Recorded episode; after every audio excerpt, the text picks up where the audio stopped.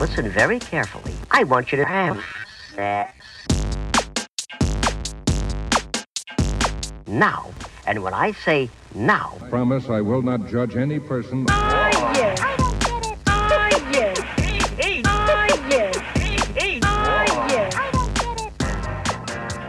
Cześć, z tej strony Nat, czyli Twoja zaufana sekspertka, a to jest Nat i Seks. Podcast o tym, że życie jest zbyt krótkie na kiepski seks. Odcinek 44. Świetny seks bez erekcji. Hej, hej, miło mi znów gościć w Twoich dziurkach usznych i mam nadzieję, że cieszysz się na to spotkanie tak samo jak ja. I właściwie przejdźmy od razu do tematu dzisiejszego odcinka, bo chciałabym zastanowić się nad tym, a właściwie przekonać Cię, że świetny seks jest możliwy również bez erekcji. Ten odcinek kieruje przede wszystkim do osób z penisami, a także do osób, które swoje życie seksualne dzielą z takimi osobami, dlatego że dla nich informacje zawarte w dzisiejszym odcinku, inspiracje, mogą być naprawdę użyteczne. Przynajmniej taką mam nadzieję.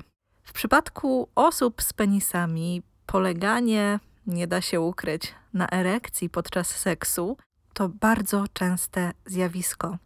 Ja sama dość często utyskuję na to, że ludzie mają dość ograniczające pojmowanie seksu, utożsamiając go wyłącznie ze stosunkiem seksualnym, czyli po prostu penetrowaniem ciała członkiem. Dla tych osób nie ma erekcji równa się nie ma seksu. Niesłusznie, ale o tym za chwilę bo gdy w tym obszarze, w obszarze wzwodu, pojawiają się jakieś trudności, czy to z uzyskaniem, czy utrzymaniem erekcji, seks w wielu relacjach nieco się komplikuje. Chociaż nieco to chyba dość mało powiedziane, bo komplikuje się bardzo. Wówczas para, która próbuje uprawiać seks, często napotyka ścianę. A trochę jak w Kubusiu Puchatku. Im bardziej skupia się na erekcji, tym bardziej o tę erekcję trudno, tym częściej jej po prostu nie ma. Na problemy ze wzwodem wpływa bardzo wiele czynników. Od biologicznych, tutaj pojawiają się choroby, spożycie większej ilości alkoholu, czy efekt uboczny przyjmowania niektórych leków, poprzez czynniki emocjonalne i tutaj włączamy stres, przekonania na temat seksu, czy nawet napięcie związane z wydolnością seksualną. I wreszcie pojawiają się też kwestie relacji, na przykład nierozwiązane konflikty w związku, czy dajmy na to ból doświadczany przez drugą osobę. W przypadku tego drugiego chodzi o lęk związany ze sprawieniem drugiej osobie fizycznego bólu, gdy ta na przykład cierpi na wulwodynię czy inne dolegliwości w obszarze genitaliów. Cokolwiek by to nie było, przyczynę naprawdę można namierzyć, zgłaszając się do gabinetu seksuologicznego. I też od podłoża tych trudności, od podłoża problemów z erekcją będzie zależał rodzaj interwencji i na przykład zlecenie dalszych badań czy wdrożenie, czy wdrożenie konkretnych procedur terapeutycznych. Ja chciałabym jednak zająć się aspektem poza interwencją specjalistyczną, który w dyskursie o trudnościach z erekcją często jest w moim odczuciu pomijany. Mianowicie to, że da się prowadzić satysfakcjonujące życie seksualne, nie polegając wyłącznie na erekcji. I zdaję sobie sprawę, że trudności ze wzwodem to problem, który dotyka nie jednej, ale każdej z osób zaangażowanej w daną relację. Związek tworzy nie tylko osoba, która trudności z erekcją doświadcza, bo w tej sytuacji jest też druga strona. Druga strona, która w obliczu tych trudności może upatrywać przyczyny w sobie, czuć frustrację, taplać się w domysłach. I są takie sytuacje, gdy jakiekolwiek tłumaczenia nie pomagają, bo osoba, zwłaszcza ta, która penisa nie posiada, nadal może pielęgnować w sobie przekonania, które nie służą nie tylko jej, ale też satysfakcji seksualnej całej pary, całego systemu, w którym się wydarzają.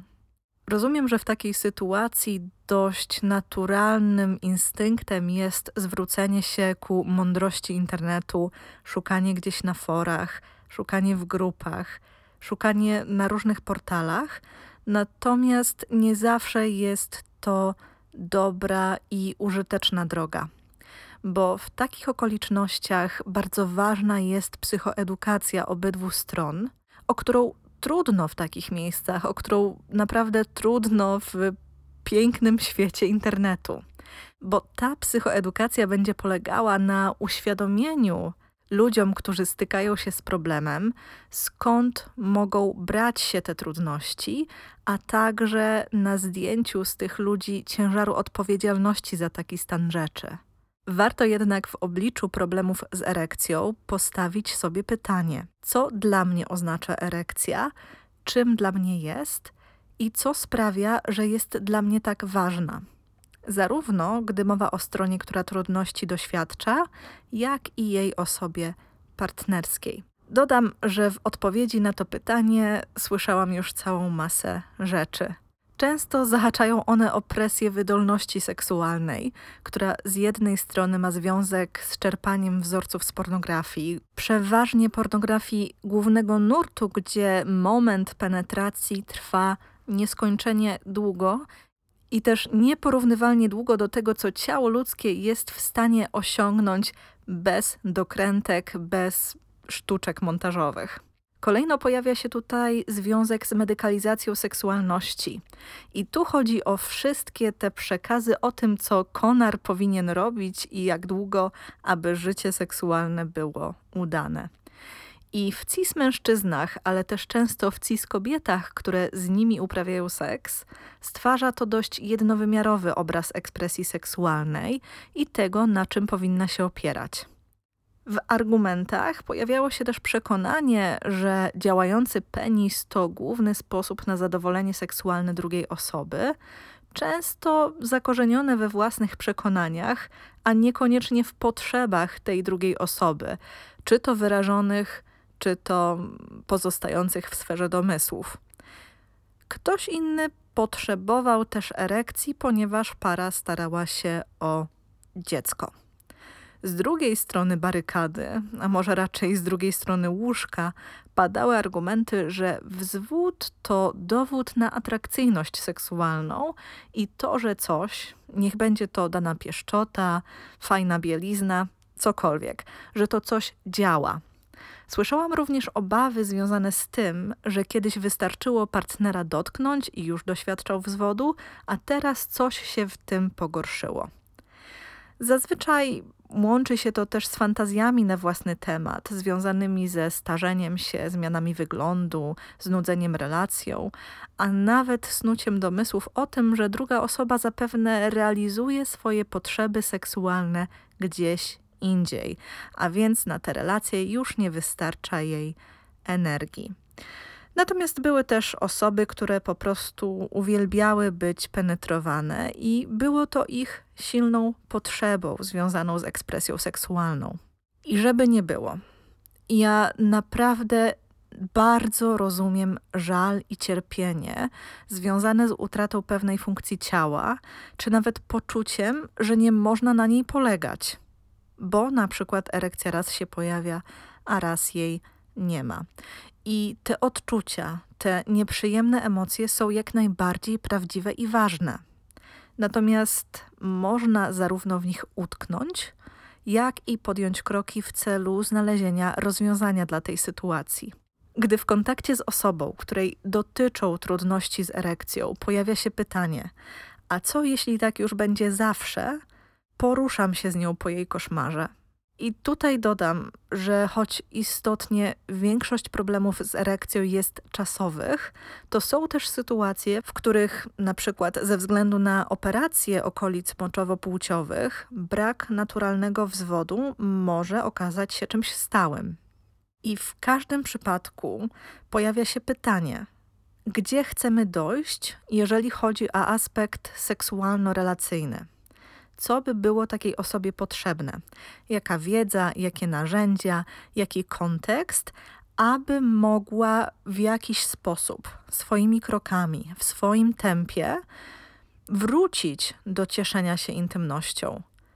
Mając oczywiście na uwadze to, że mogą być to strategie nieco inne niż były dostępne jej do tej pory. Postawa osoby partnerskiej też ma tu ogromne znaczenie. Jej negatywne nastawienie, wynikające na przykład z tego, że w tym układzie tkwi w jakimś swoim, nawet nie do końca uświadomionym kawałku, może dyktować jej reakcję. I naprawdę trudno jest szukać produktywnego rozwiązania, gdy ktoś podczas seksu cały czas wypatruje erekcji, niecierpliwi się, gdy erekcja się nie pojawia, a wreszcie wkurzony, sfrustrowany rezygnuje z bliskości. Tego typu reakcje, wbrew pozorom, też dają nam wgląd w dynamikę danej relacji i pomysł na obszary, którymi należałoby się zająć, bo często bywa ich znacznie więcej niż tylko łóżko. Bo nie zapominajmy, że związek to ciągła wymiana. Ludzie, którzy są w niego zaangażowani, cały czas na siebie oddziałują. Jedno nie pozostaje obojętne na emocje i reakcje drugiego. Więc to też może być tak, że nawet gdy bliska osoba jest bardzo wspierająca, a ta, której problem dotyczy, jest bezustannie sfrustrowana, poirytowana, to też tutaj ta wymiana będzie w jakiś sposób zaburzona. Natomiast jeżeli chodzi o takie strony wspierające, osoby wspierające, to gotowość na wprowadzenie zmian i też pewien luz wobec tego, czy dziś pojawi się erekcja, czy nie, ma ogromne znaczenie. Paradoksalnie, wiele par, które powiedziały sobie: OK, nie będziemy uzależniać naszej przyjemności od tego, czy erekcja wystąpi, zaobserwowało, że samo zdjęcie presji, czyli takie samo odpuszczenie, odpuszczenie penisowi, odpuszczenie osobie, którego posiada, zdziałało cuda. Wzwód zaczął pojawiać się częściej. Oczywiście tutaj też ogromne znaczenie mógł mieć element interwencji, na przykład leczenia, interwencji terapeutycznej, natomiast myślę, że jest to nie bez znaczenia, bo to relacyjność seksu sprawia, że może on być zarówno fantastycznym przeżyciem, jak i kiepskim wspomnieniem, czy nawet polem minowym dla danego związku. Warto więc zadać sobie pytanie, co dla mnie jest ważne w seksie, niezależnie od tego, czy pojawiają się w nim problemy, trudności, czy nie. Czyli co jest dla mnie ważne, jakie elementy seksu są dla mnie najważniejsze, najistotniejsze, i też zastanowić się, czy operowanie wzwiedzionym członkiem to na pewno jedyny sposób na doświadczenie tego, czego potrzebujemy. I jeżeli zastanawiasz się, jak wieść bogate życie seksualne bez erekcji, to mam dla Ciebie kilka propozycji, z których mogą skorzystać zarówno osoby, które z takimi trudnościami się zmagają, jak i osoby, które chcą po prostu w pewien sposób urozmaicić swoje życie seksualne, a nawet tak w razie czego przygotować się na przyszłość. A skoro o przyszłości mowa, to w ramach cieszenia się bogatym życiem seksualnym bez erekcji można na przykład wybrać się w podróż do przeszłości seksualnej i przypomnieć sobie czasy, gdy seks penetracyjny z różnych względów nie był jeszcze sposobem na doświadczanie intymności. Co wówczas się robiło? Jakie były to aktywności? Bez wątpienia, cokolwiek by to nie było, towarzyszyła im spora ekscytacja, ale i równie duża kreatywność, jeżeli chodzi o to, co robiliśmy czy robiłyśmy z ciałami innych osób. Wszelkie zabawy w ubraniu, stymulacja manualna, takie zaciekawienie ciałem drugiej osoby pewnie było charakterystyczne dla tych pierwszych kontaktów seksualnych, które wiązały się z nauką przeżywania przyjemności.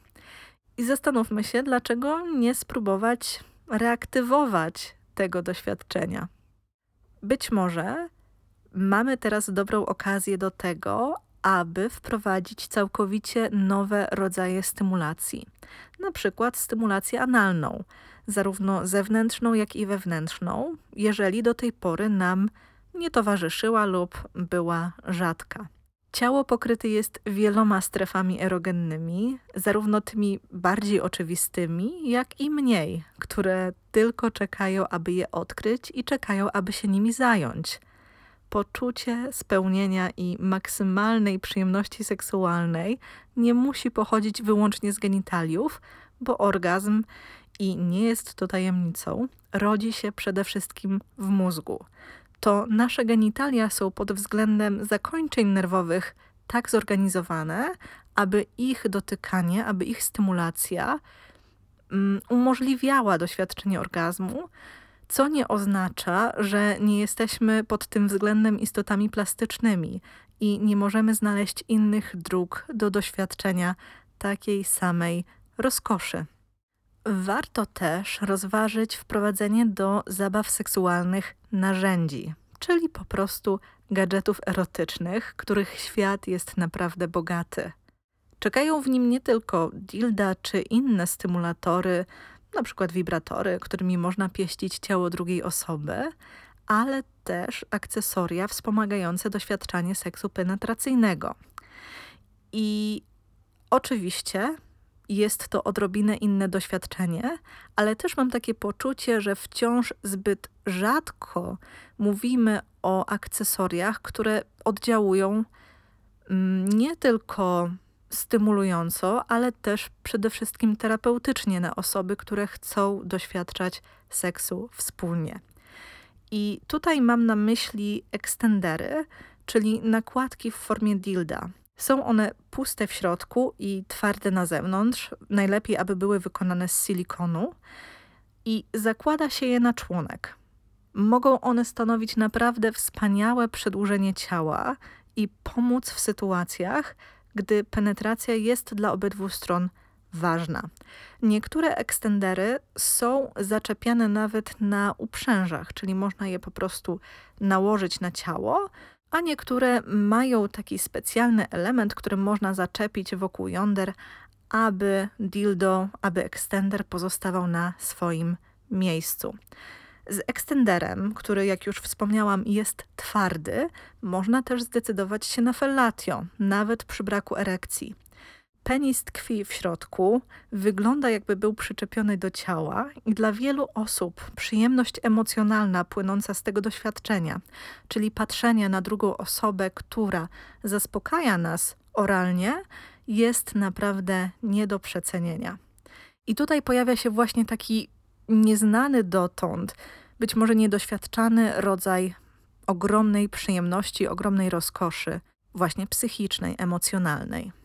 Dodam tylko, że aby wprowadzić tego rodzaju akcesoria, często trzeba najpierw rozprawić się z mitem naturalnego seksu i przekonaniem, że bliskość powinna odbywać się bez żadnych, w cudzysłowie, udziwnień. Tak jak w przypadku wcześniejszych aktywności, jest to oczywiście też coś, na co trzeba zgodzić się i zdecydować wspólnie, a więc po rozmowie, z drugą osobą, której ciała dane akcesoria będą dotykały, czy ogólnie której ciała też dotyczy nowy rodzaj przeżywania wspólnej bliskości. I kolejną opcją jest też, i tutaj zwracamy się ku tej opcji bardziej naturalnej, chociaż niezbyt lubię to określenie, mianowicie wykorzystywaniem wiotkiego członka do stymulacji ciała drugiej osoby.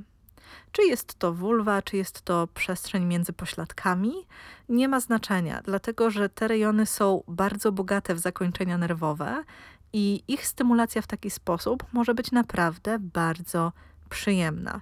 Zresztą warto tutaj docenić całe swoje ciało i zrezygnować z nastawienia, że skoro nie ma erekcji, to nie mam ci już nic innego do zaoferowania.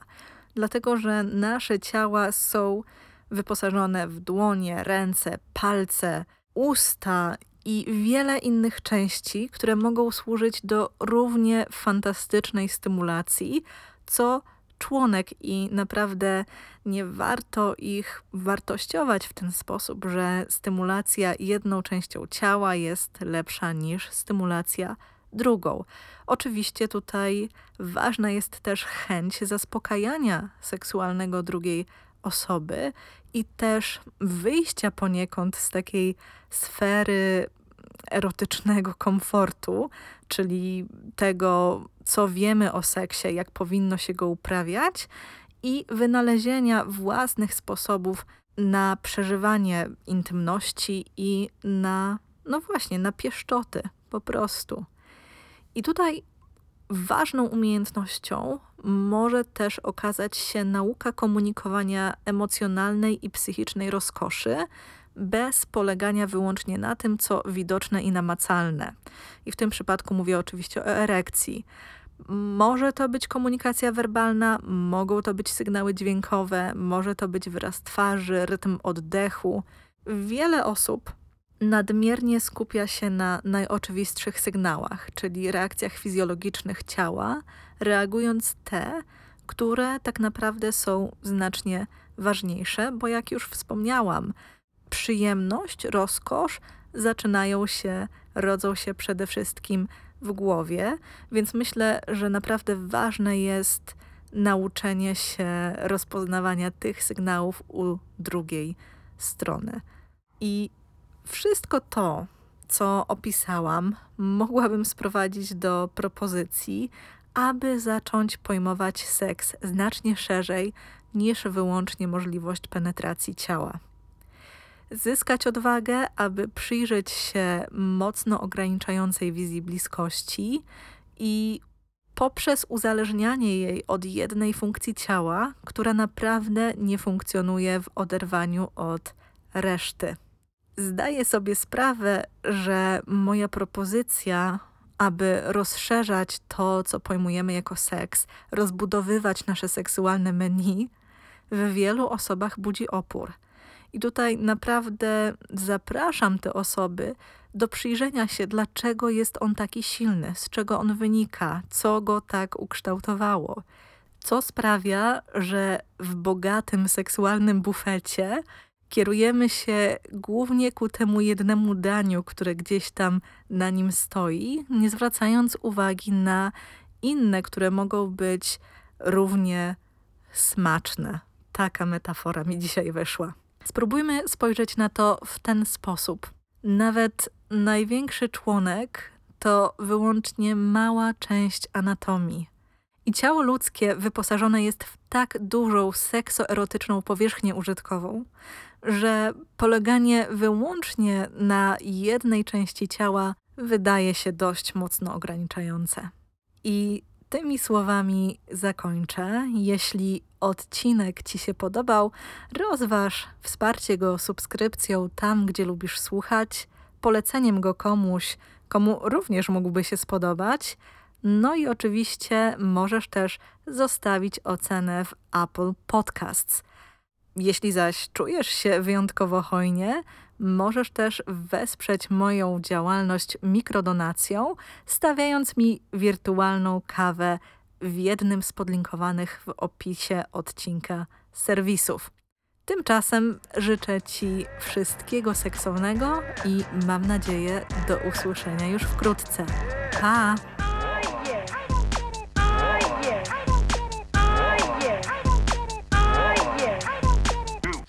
It's very important and very fun also to. Now,